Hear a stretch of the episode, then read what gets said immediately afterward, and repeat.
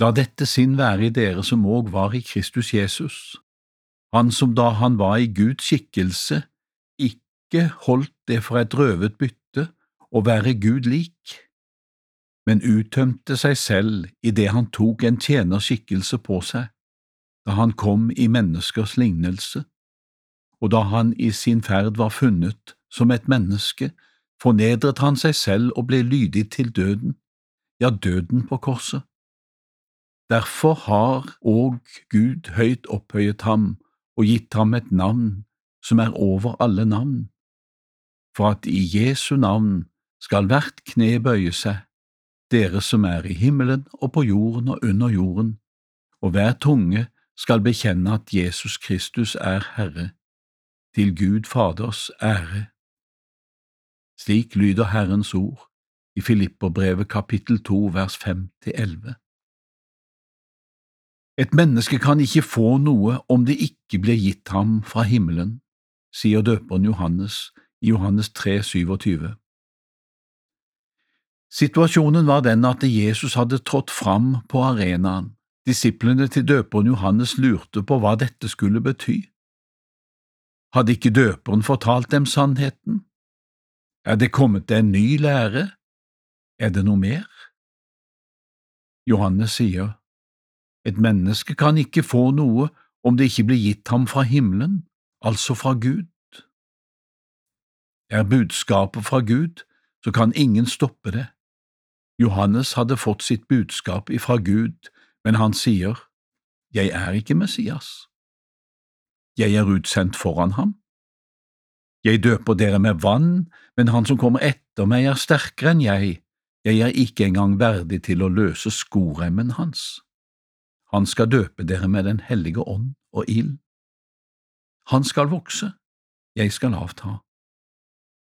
Se, der er Guds lam som bærer bort verdens synd. Dette er sterke ord om Jesus.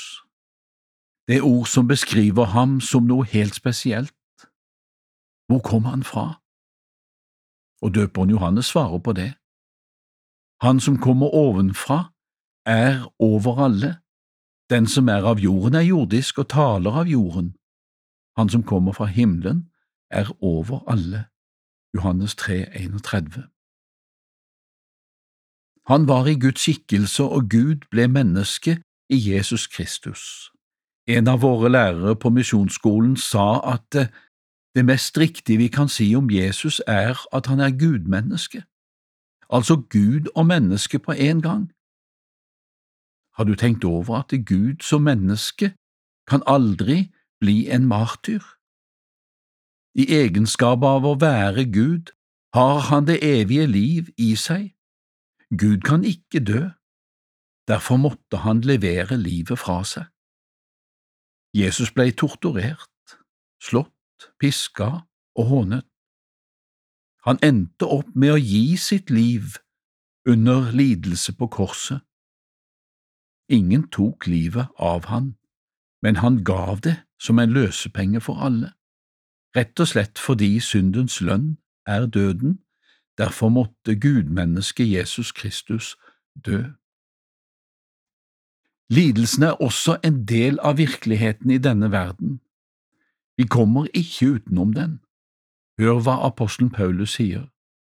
Ikke bare det, men vi roser oss også av trengslene, for vi vet at trengselen virker tålmodighet. Romerne 5,3 I alt viser vi oss som Guds tjenere i tålmodighet, i trengsler, i nød og i angst. 2. Korinterbrev 6,4 og apostelen Peter sier, For hvilken ros fortjener dere vel om dere finner dere i straff når dere har syndet, men om dere tåler lidelse når dere har gjort godt, da finner det nåde hos Gud. 1. Peter 2, 20 Vi må altså regne med å lide selv om vi gjør det gode. Vi må regne med å lide selv om vi ikke har fortjent det. Vi må regne med å lide for Jesus skyld, og Jesus sier, Salig er de som blir forfulgt for rettferdighets skyld, for himlenes rike er deres. Ja, salig er dere når de spotter og forfølger dere og lyver alle slags ondt på dere for min skyld. Matteus 5,10 Av dette ser vi at Jesus' etterfølgere må regne med å dele sin mesters kår, slik han hadde det da han var her på jord. Lidelsen gjentar seg.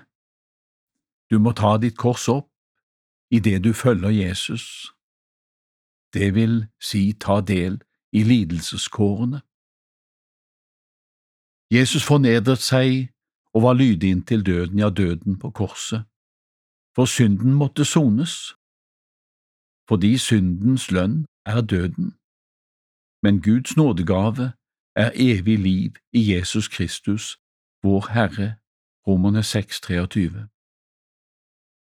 Jesu korsdød er en engangsforeteelse.